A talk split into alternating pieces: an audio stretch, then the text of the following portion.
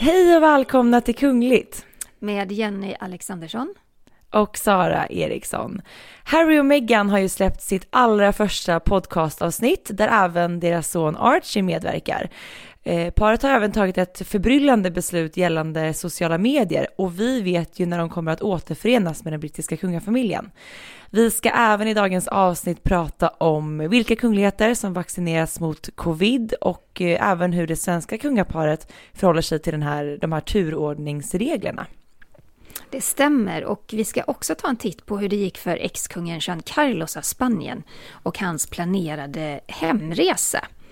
Eh, sonen kung eh, Felipe, han satte tydligt ner foten i samband med sitt jultal. Mm. Och en mm. annan kunglighet som satt ner foten är först Albert av Monaco. I en öppenhjärtig intervju med People kritiserar han Trump och upploppen i USA. Och vi pratar även om prinsessan Eugenie och Jacks flytt. Och när kommer den kungliga bebisen? Ja, men vi har som vanligt mycket att gå igenom och vi ska ju såklart även svara på era lyssnarfrågor som den här veckan bland annat handlar om skillnaden på en arvprins och en kronprins eller prinsessa. Mm, men först, vi har ju veckans Harry och Meghan.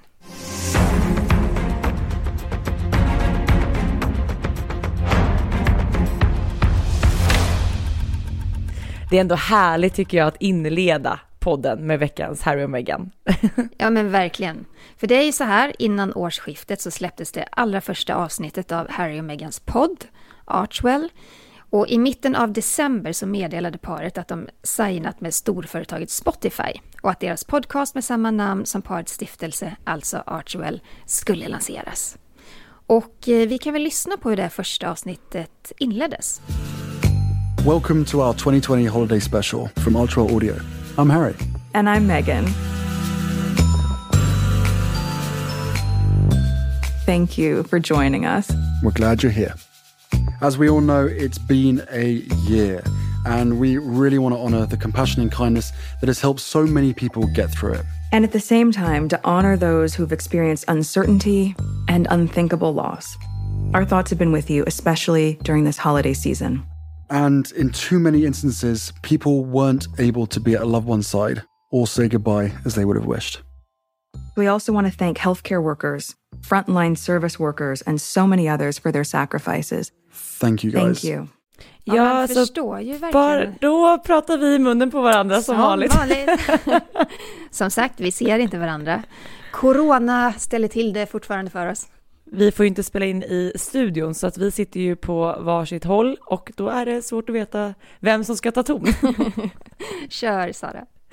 Nej men hela det här eh, första podcastavsnittet med Harry och Meghan det inleds ju med att eh, paret tackar alla som jobbar i kampen mot eh, covid-19 såklart. Flera gäster är även med och pratar i avsnittet och de pratar mycket om vad de har lärt sig under det här mycket annorlunda året och vad som har drivit dem och vad de kanske också lärt sig mycket om sig själva och vad de kommer ta med sig in i det här nya året. Ja, i podden så deltar väldigt många kända gäster.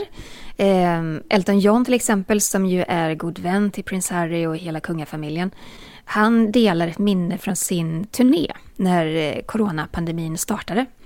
Och han berättar att han har diabetes, han är i riskgrupp och eh, ja, men så delar han då liksom det minnet hur han var tvungen att avbryta hela turnén och tvingades isolera sig.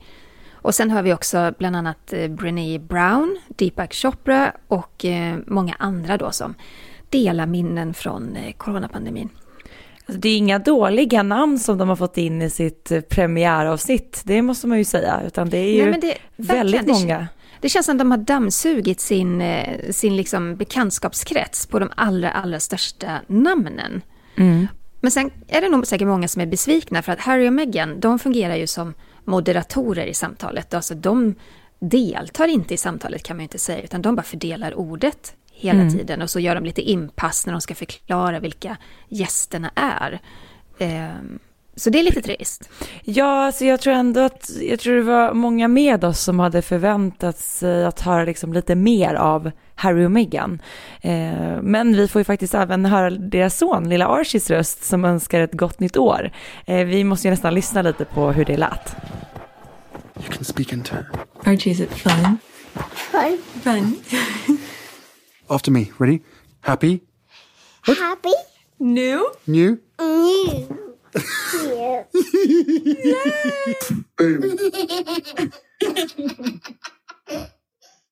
Men utöver, han är jättegullig. och framförallt så slås man ju av att tiden har gått och han börjar bli stor. Ja men verkligen.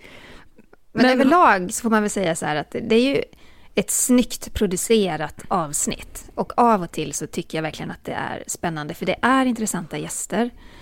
Men som sagt, den som då väntat sig något personligt från Harry och Meghan blir besviken. Eh, det enda personliga som man får av dem, det är att de spelar låten Det lilla ljus jag har. Och den spelades ju från, alltså den spelades på deras bröllop, så den kör de liksom i det här avsnittet. Och just det här då att Archie säger gott nytt år.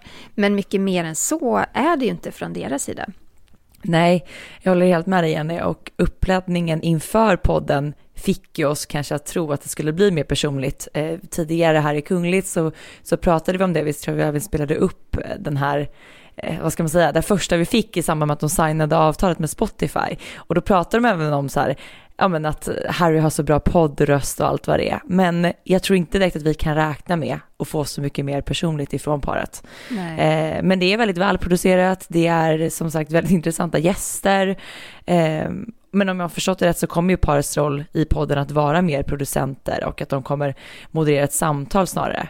Eh, jag tyckte dock det var väldigt intressant för Harry han även säga så här att han tar med sig från 2020 det här eh, power of connection.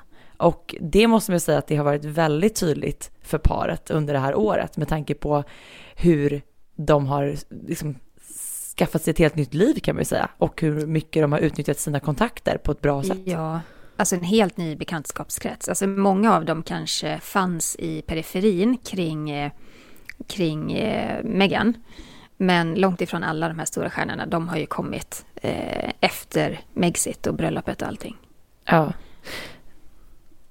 Ja, för en vecka sedan så sa en person som står paret nära till brittiska medier att Harry och Meghan kommer att avstå från att använda sociala medier från, från och med nu och i framtiden. Och det beror på att de ju har fått massiv kritik eh, och även otroligt mycket hat via sociala medier. Och det har då lett fram till det här beslutet att de ska inte vistas på de här kanalerna. Och därför kommer man inte heller kunna se parets nya välgörenhetsorganisation Archwell Foundation på sociala, på sociala medier heller. Hmm. Det är ett väldigt stort beslut, särskilt år 2021 med tanke på eh, vilken otrolig kraft sociala medier har om man ska tänka på åt det positiva hållet. Ehm, och jag, Verkligen. jag kan inte låta bli att bli lite förvirrad samtidigt för att ena stunden så säger ju Meghan i intervjuer att hon aldrig tar del av sociala medier för att i nästa stund ta ett beslut att de ska stänga ner allting på grund av liksom det här hatet och allt som de får utstå. Så att, Ja, det, jag vet alltså, inte det är ju lite som vanligt dubbla signaler från det här paret. Eh, Instagram, det var ju deras största informationskanal tidigare och det var ju på kontot Sussex Royals som hade över 10 miljoner följare som de meddelade att de skulle ta ett steg tillbaka från det kungliga livet och det var ju för ett år sedan nu. Men jag fattar, kritiken har ju varit massiv. Vad de än har skrivit på det kontot så har de ju fått väldigt mycket skit tillbaka. Och jag tänker att det är klart att det är svårt att hantera, både känslomässigt men även praktiskt. För att det innebär ju att de måste ju ha någon anställd som hela tiden sitter och modererar i sociala medier. Och det har de kanske inte möjlighet att ha helt enkelt. Men jag håller med dig, det är ju förvirrande. Om hon säger då att de ska stänga ner och inte finnas där, nej men vad har de använt för sociala medier fram till nu då? Ja, det är det jag inte riktigt, ja precis, i sådana fall kanske man har gått miste om någonting. Jag vet inte. Men eh, om det här stämmer, som det troligtvis gör, så kommer vi alltså inte att se någon sociala medier närvaro från paret överhuvudtaget, inte ens via Archwell Foundation. Nej. Men Sara, du vet ju när vi kommer se paret i Storbritannien nästa gång. Ja men det sägs ju att de kommer att få en inbjudan till drottning Elizabeths födelsedag. Hon firar sin födelsedag två gånger som vi vet. Eh, hon fyller 95 år i år. Det tåls ju att firas. Och då är det då den 12 juni vid det här Tropping the Color. Det är det Eh, officiella firandet. Precis, det är ju en väldigt så stor och pampig parad med musikuppvisningar vid Buckingham Palace. Och då väntas Harry och Meghan att vara med och få en inbjudan till det här firandet. Och dessutom så fyller ju prins Philip 100 år den 10 juni. Det är strax före där. Och det vore ju faktiskt konstigt om Harry inte är på plats när hans farfar ändå firar den här fantastiska jämna åldern, eller hur? Ja men det vore väldigt märkligt och eh, vi hoppas ju att det här blir av nu för att Dropping the Color blir då, eller förväntas att bli, kungafamiljens stora officiella återförening efter den här coronapandemin. Det har ju faktiskt snart pågått i ett helt år och förra året blev det ju såklart inställt eh, på grund av pandemin och så vidare. Så vi får väl se ifall att det här går att genomföra. Men eh, vi måste ändå runda av det på något, eh, på något eh, sätt och nämna parets framtid. För det är ändå det som alla funderar över. Kommer de komma tillbaka till kungahuset eller kommer de satsa ännu mer på sin business? Vad tror du Sara? Ja, som du säger, det, vi borde ju få tydligare besked nu under januari, eller början på året i alla fall, med tanke på att det då har gått ett år av parets så kallade prövoår. Eh, just nu känns det som en väldigt sån omöjlig vändning eh, och paret skulle ju få möta en enorm kritik ifall att det var så att de helt plötsligt valde att kliva tillbaka in i den kungliga sfären och eh, tjäna drottning Elizabeth. Ja, det handlar ju mycket om, om de här stora multinationella bolagen som de har gjort kon eh, skrivit kontrakt med och har affärer med. För som kunglighet så ska de ju vara oberoende och då kan de inte göra business med stora företag och tjäna miljarder. Och inte heller engagera sig politiskt. Och det, jag, jag tänker att det är helt bisarrt om de skulle börja representera Storbritannien efter allt det här som de har gjort det här året. Ja, och med tanke på alla de här besluten som har tagits under 2020 så är det ju också en väldigt tydlighet ifrån paret att de inte är intresserade av att leva det här kungliga livet. Eh, men ändå så är, väntar man ju med spänning på besked ifrån drottning Elizabeth och eh, det jag, kan, jag tänker mycket på det är så här att paret själva borde vara väldigt måna om att snabbt få till det här. Alltså att det ska avslutas på något sätt, för då slipper de ju alla de här spekulationerna och de kritiserar sig mycket för vad man kallar för caking, alltså att de äter kakan och vi samtidigt har den kvar. Eh, Om det bara blir tydligare besked så kommer de ju slippa allt det, tänker jag. Ja, för de jobbar ju hårt för det kommersiella just nu och Meghan verkar ha en väldigt tydlig strategi när det gäller det. För förutom Netflix och Spotify så har hon ju även börjat investera i startups, eller hon, de, för de har ju de här bolagen tillsammans. Eh, men hon har valt ut i alla fall ett eh, kaffebolag, en startup. Och eh, efter bröllopet och flytten till Los Angeles så har ju paret skapat sig ett mäktigt och stort nätverk. Och Meghan hon skickade en korg med kaffe till sin vän Oprah, som hon bor granne med. Och Oprah Winfrey visade upp det här kaffet på sitt Instagramkonto. Och märk väl, hon har över 19 miljoner följare över hela världen. Hoppla. Och det är ju väldigt, väldigt eh, smidig gratisreklam. Och brittiska medier har räknat ut att den här reklamen är värd ja, men runt 10 miljoner kronor. Så det var ju smart gjort. Men är det ens lagligt, tänker jag? Jag tänker så här, som muta, smygreklam. Hon är liksom sannoliken ute på så här tunn is emellanåt, Meghan. Tänk ifall Ja, prinsessa ja, Madeleine skulle göra något liknande. Det går, nej, men det går inte ens att föreställa sig. Det, det hade hon ju inte kunnat göra utan att det skulle bli ett ramaskri. Nej. Men jag tror att britterna också, de är så vana nu vid att det blir så mycket rubriker och så mycket beslut kring det här paret. Och, eh, jag vet inte om de reagerar på det. Men i Sverige så är, har- är vi ganska strikta med att det finns eh, regler för reklam och sånt även på sociala medier. Eh, jag vet inte om det är på samma sätt i, i Storbritannien. Ja, nej, märkligt är det i alla fall, men bra för det här kaffemärket kan man ju tänka sig. Eh, ja, och för Meghan och Harrys plånbok. Win-win, som man brukar säga. Mm. Drottning Elizabeth och prins Philip, de har ju vaccinerat sig mot eh, coronaviruset och det var den 9 januari som de fick sina första sprutor mot covid-19.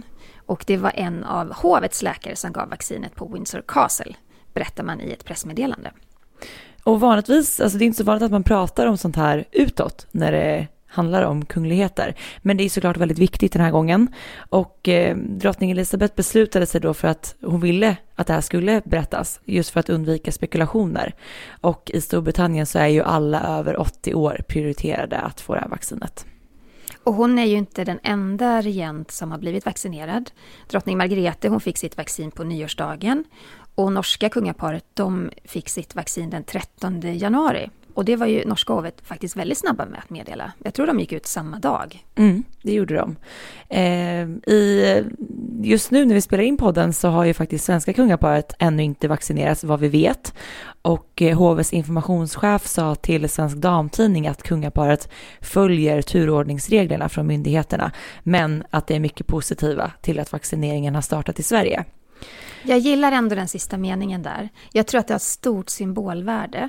Eh, att hovet går ut med att kungaparet är positiva till vaccineringen. Eh, det betyder mycket. Det är ändå en signal att eh, ja, men signal till folket att de kommer ta vaccin och alla andra bör göra det också. Men hur tänker man då kring det här med turordningsregler om man tittar ut emot resten av Europa och kungligheterna som har vaccinerats? Eh, Alltså de är ändå väldigt noga med att poängtera att kungaparet likt alla andra följer de här reglerna. Eh, mm. Tror du att det är, finns en strategi bakom det? Ja, jag tror att strategin i så fall är att visa folk att, eh, att det är viktigt att ta vaccin och att eh, kungligheterna kan fungera som, som symboler i detta. Eh, och som statschef så, ja, det finns en viss ett, ett ansvar där också, tänker jag. Att eh, dels vara förebild, men dels också få ett vaccin så att man kan fortsätta fungera i sin, i sin roll. Mm. Vad tänker du, Sara? Nej, men jag tror att det är bra att man utåt sett visar, oavsett kunglig eller ej, att man ställer sig positiv till den här vaccinationen och att på så sätt kanske också inspirera andra på något sätt till att ta det. Och mm. samtidigt väldigt smart att just trycka på att det är regler som även följs här, att i en pandemi så spelar det ingen roll om du är kunglig eller ej, utan man står alla väldigt lika inför det. Mm. Ja, men verkligen. Ska vi ta en titt på Spanien kanske? Jo, men det måste vi göra. Vi pratade ju om eh, ex-kung Jean Carlos innan eh, julledigheterna här, för att han är ju som vanligt, allt, som, eller som alltid, lite grann i blåsvädret. Eh, men vi kanske ska uppdatera oss lite på vad det egentligen är som har hänt, eller hur? Mm, ja, men det gör vi. Eh, han är ju ex-kung som sagt. Han är pappa till Spaniens nuvarande kung, Felipe. Eh, Juan Carlos han gick i exil i vintras och det var efter att en lång rad med skandaler hade uppdagats. Bland annat så misstänks han för penningtvätt och mutbrott. Han påstås ha tagit emot över 100 miljoner dollar från Saudiarabien efter att Spanien hade fått stora byggkontrakt i landet. Och alla de här skandalerna det ledde faktiskt fram till att kungen abdikerade 2014. Just det. Och eh, 2012 så avslöjades det ju även att kungen åkt på en elefantjakt till Botswana mitt under den brinnande ekonomiska krisen i Spanien. Och eh, det blev ju bara än värre när det kom fram att han rest tillsammans med sin mångåriga älskarinna Corinna Sue Sain, säger man så? Ja, jag tror det. Corinna Susan. Wittgenstein. så att han hade dels flytt landet mitt under en pågående kris och han var dessutom borta tillsammans med sin älskarinna och dessutom på elefantjakt. Så det var mycket som inte klingade helt hundra i det. Ja, och jag tänker också den elefantjakten. Han var ju även talesperson för Världsnaturfonden i Spanien. Det, alltså det, varför åker man på elefantjakt då? Det är helt bisarrt. Men det är många beslut där som kanske inte känns helt genomtänkta. Verkligen. Mm. Och så får man inte glömma det här också att eh, en annan skandal som gäller hans dotter och eh, svärson. För prinsessan Kristina, hon var ju gift med handbollsspelaren Inaki Urdangarin. Och han anklagades för att ha överfört ungefär 60 statliga miljoner kronor från sin välgörenhetsorganisation till olika skatteparadis. Och det finansierar ju deras lyxiga liv helt enkelt. Eh, och det blev ju en rättssak av detta. Men prinsessan Kristina hon slapp undan straff. Eh, men hon fick ju böta ganska mycket. Och det var ju första gången en kunglighet faktiskt åtalades i, i domstol. Ja. Nej, men det har ju varit, det vi nämner nu är bara några av alla skandaler som har uppdagats kring ex-kungen. Och han abdikerade som sagt 2014 eh, och lämnade landet 2020. Och eh, hans eh, son då, kung eh, Felipe, tog offentligt avstånd från honom och sa att han ville helt avstå arvet från, sin far. Och det var ju väldigt tydligt statement från hans sida. Mm. Ja men verkligen. Men så ville då Juan Carlos fira jul med familjen i Spanien. Och det förvånade ju jättemånga för alla undrade hur kungafamiljen och regeringen skulle hantera det där. För det blev lite som en officiell förfrågan kan man väl säga från Juan Carlos när det kom fram. Ja, och han eh, sa väl även det här att jag kommer bara komma tillbaka om om det inte blir ett ståhej kring det här. Jag förstår inte riktigt vad han hade förväntat sig. Eh, nej, nej. och så, så blev det ju inte heller vad vi vet. Eh, istället då så tog Filippe upp sin far i sitt årliga jultal. Och han sa bland annat att moral och etik, det går före familjeband. Ja, alltså i stort sett så menar han ju att alla är lika inför lagen. Och eh, det var nog också en väldigt viktig signal ut mot folket. För att hade han låtit sin pappa komma tillbaka, hänga i Spanien några veckor, fira jul, ha det gött. Jag menar, nej. Alltså, spanska kungafamiljen har fått så mycket kritik de senaste åren och det har, monarkin har väl lite grann hängt på en lös tråd. Så jag tror att hade han tagit emot sin pappa hemma och firat jul, nej, det hade varit, det hade varit tufft för spanska kungahuset. Man ska heller inte glömma bort faktiskt hur populär Jean Carlos var som kung innan alla skandaler uppdagades. Så att det är en, mm. en stark vändning. Eh, men med tanke på det här talet från hans son så firade kanske Jean Carlos jul själv då, i exil. Man kan ju hoppas att han fick mannen i graten i alla fall. Åh, ja, nej jag ska inte tycka synd om honom. Jag tycker han får stå sitt kast. Ja. Men, eh, men ja, ja, han är gammal. Så blev, det, ja. så blev det med det julfirandet i alla fall. Så blev det med det. Mm. Tydligt ifrån eh, kung Filippo också och eh, vi ska även prata om en annan kunglighet som eh, ganska öppet kritiserat eh, Trump faktiskt. Mm. Ja, det är ingen som har missat vad som för sig gått i USA med Donald Trump och särskilt Nej. inte under den senaste veckan efter att Trump-anhängare intog Kapitolium. Men det är väldigt få statschefer som har varit öppet kritiska och det har ju såklart att göra med att man som, som regent inte ska blanda sig i politik. Nej, och det är någonting som vi har pratat mycket om här i podcasten, eh, särskilt under 2020, just att kungligheterna ska hålla sig politiskt neutrala. Eh, där har vi bland annat pratat mycket om att Meghan eh, kritiserat Trump och även uppmanat amerikaner att rösta på Biden istället. Men vi måste ju nästan påminnas om vad som hände då, för att Trump i sin tur var ju inte sen med att kasta tillbaka emot Meghan.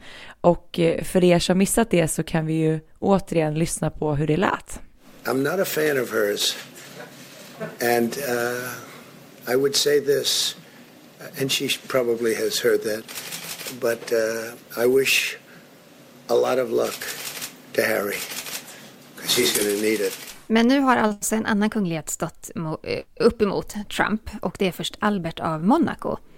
Och så vitt jag vet så är väl han egentligen den enda kunglighet som har gjort det på ett väldigt tydligt sätt. För ja. han, han sa bland annat att han blev chockad när han såg de våldsamma upploppen. Och att det inte är det Amerika som han känner till, för han har ju tidigare pluggat i USA. Och eh, försten sa också att eh, Trump måste hållas ansvarig för det som skett. Och sådana hårda ord har inte jag jag kan inte minnas att jag har sett det hos någon europeisk regent någonstans. Nej. Och Albert sa även till People att han känner en, en sorg och en ilska efter, efter det här som har hänt. Och att eh, han säger även att han inte är helt förvånad. Eh, då han menar att vi varit på väg hit, att han sett det komma på något sätt. Så att det är ju starka ord ifrån försten eh, mm. till People. Ja, han hade tydligen följt det på, på tv, hela händelseförloppet. Och eh, då kunde man se på Instagram faktiskt att eh, Jasmine Grimaldi, det är ju Alberts dotter som han har utanför äktenskapet. Hon var jättesnabb med att hylla sin pappa och hon skrev faktiskt väldigt fint tycker jag.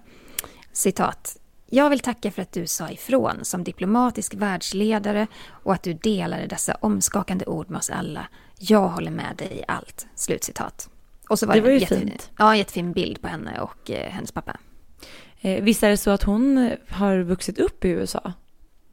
Jasmin? Ja, alltså hon bor i New York nu. Ja. Ehm, men jag, alltså jag vågar inte svara. Jag tror att hon har bott i, i Frankrike också. Okej, ja. Men det känns inte som hon har, hon bor i USA i detta nu och hyllade det sin pappa så här. Det var ju fint. Ja. Jag tycker det är så fint att man på så öppet sätt får ta del av deras relation som idag är väldigt offentlig mot Mm. vad den har varit. Ja, men verkligen. Hon är ganska generös med att dela med sig. Hon lägger ofta upp bilder på sin farmor, Grace Kelly, och eh, ja, men pratar om sin pappa och, eh, och sådär. Fint. Mm. Men det dröjde också ganska många år innan de fick kontakt kan man säga. Innan de, jag tror att hon var nio eller någonting när hon först besökte eh, palatset i Monaco. Så att det har inte varit helt konfliktfritt, det har det ju inte. Nej, men det är därför man på något sätt tycker det är fint att det faktiskt kan få vara det idag med tanke på Mm. allting som har hänt och alla turer kring faderskapstest och allt vad det har varit. Så att Mm. det är härligt att se. Verkligen. Men den kungliga kalendern börjar ju fyllas på nu, eh, så även här i Sverige inför 2021. Och kungen, kronprinsessan och prins Daniel startade ju faktiskt här arbetsåret med att delta vid Folk och Försvars rikskonferens som i år hölls digitalt, likt allting annat i detta nu. Och tidigare i veckan så såg vi också att kungen deltog vid den här viktiga cancergalan som TV4 sände. Och eh, vi kan ju faktiskt lyssna lite på vad han sa där. Mina damer och herrar. Vi lever i en, i en speciell tid, en pandemi. Och många känner oro och ensamhet. Ännu svårare kan det vara för de som lever med en cancerdiagnos.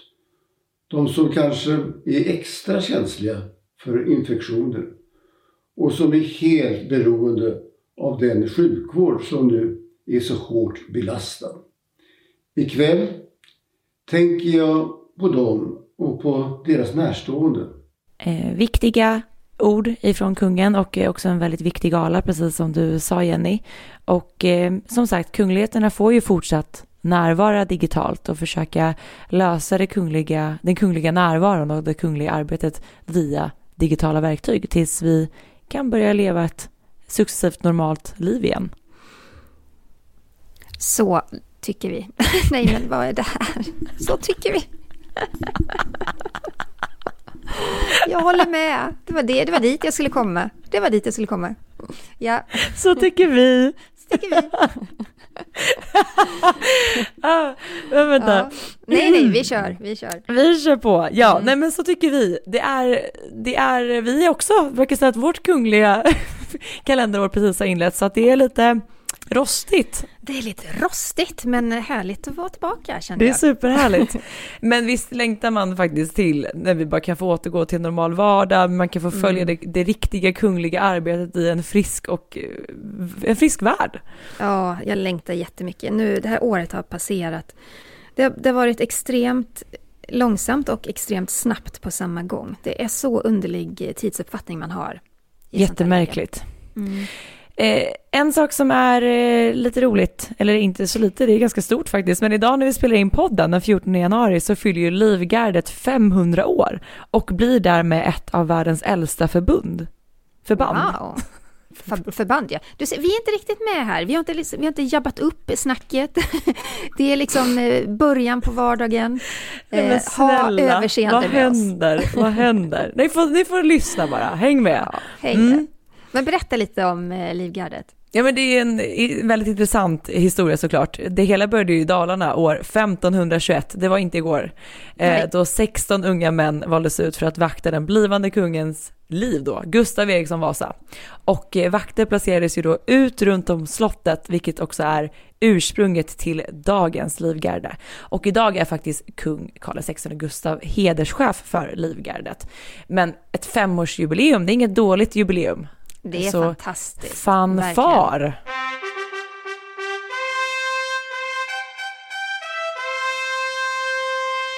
Härligt. Kan vi inte prata lite om kungliga bebisar? Jo, det måste vi göra. Vi har ju ett väldigt kungligt eh, babyår framför oss och eh, troligtvis så är det ju så att Eugenie och Jack kommer att eh, få barn allra först. för När, att, när som helst egentligen.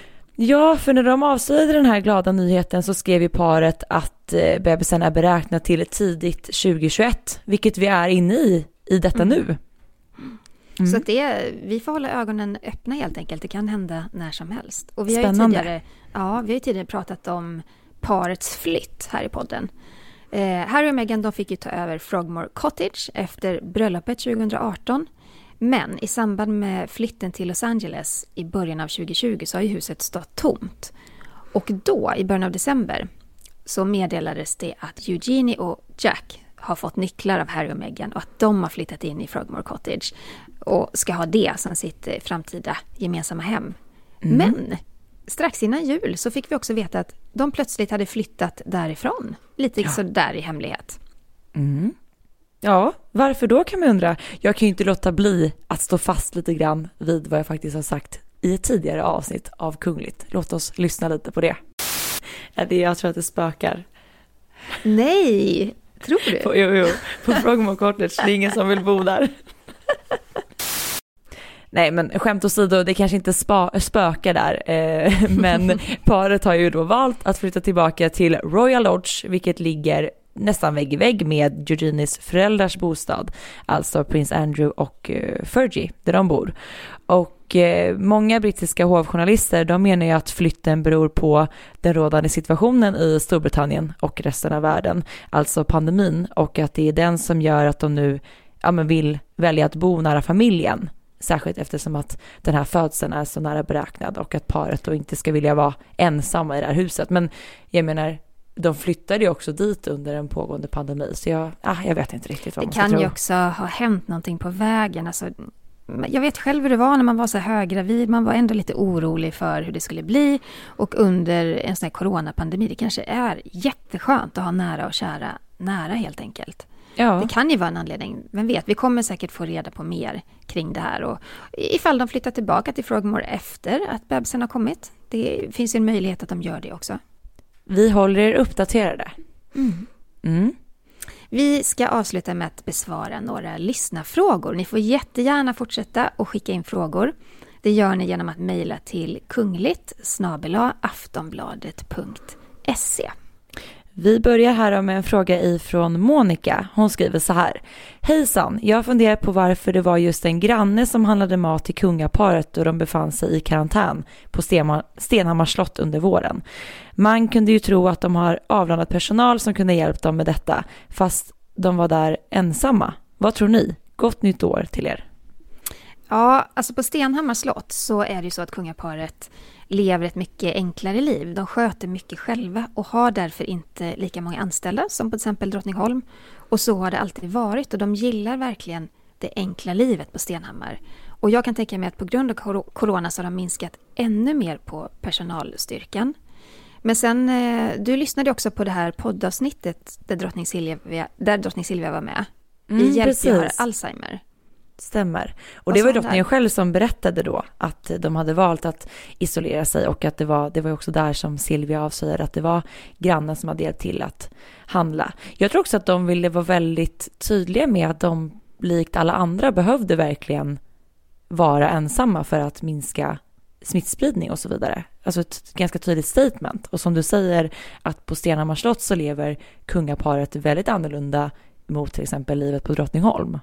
Och det var ju kungen och drottningen och även under en period prinsessan Birgitta som då var isolerade på Stenhammars slott. Mm. Eh, ja, snäll granne måste jag säga. Ja, men verkligen. till. Schysst. Mm. Eh, vi har fått en fråga ifrån Anton. Han skriver så här. Tack för ett bra program. I det senaste avsnittet sa ni först kronprins om konungen och rättade därefter er till att säga arvprins. Vad är skillnaden mellan kronprins och arvprins? Mm, det stämmer ju. Eh, I avsnittet som eh, han syftar till här så pratar vi om kung Carl Gustavs far, Gustav Adolf. Eh, kronprins eller kronprinsessa är ju eh, den som är näst i tur enligt successionsordningen till den sittande monarken. Och när vi då pratade om kungens pappa så var ju han arvprins eftersom att hans far, Gustav VI Adolf, var kronprins vid den här tiden eftersom att eh, Gustav V var kung. Exempelvis så kan man idag säga att prinsessan Estelle eh, är arvprinsessa. för att tydliggöra det. Och då ibland när man pratar, särskilt man pratar om historiska händelser så är det ibland lite svårt att skilja på just ordet arv eller kron eftersom att man ibland glömmer av exakt i vilken tid man pratar om, vilket år. Mm. Så är det ju. Anton har också en fråga som handlar om eh, titlar eh, och funktioner vid hovet. Men den var, det var så bra fråga så vi ska spara den och, och utveckla den för det finns så mycket att prata om där. Så Anton, om du har tålamod med oss så ska vi ta upp det där framöver. Ja, det är perfekt att prata om i ett podcastavsnitt. Mm. Eh, vi har fått en annan fråga ifrån Malendro som skriver så här. Jag lyssnar ofta på er podd, men jag reagerar lite över att ni är så negativa gentemot Harry och Meghan och deras val att lämna det brittiska kungahuset.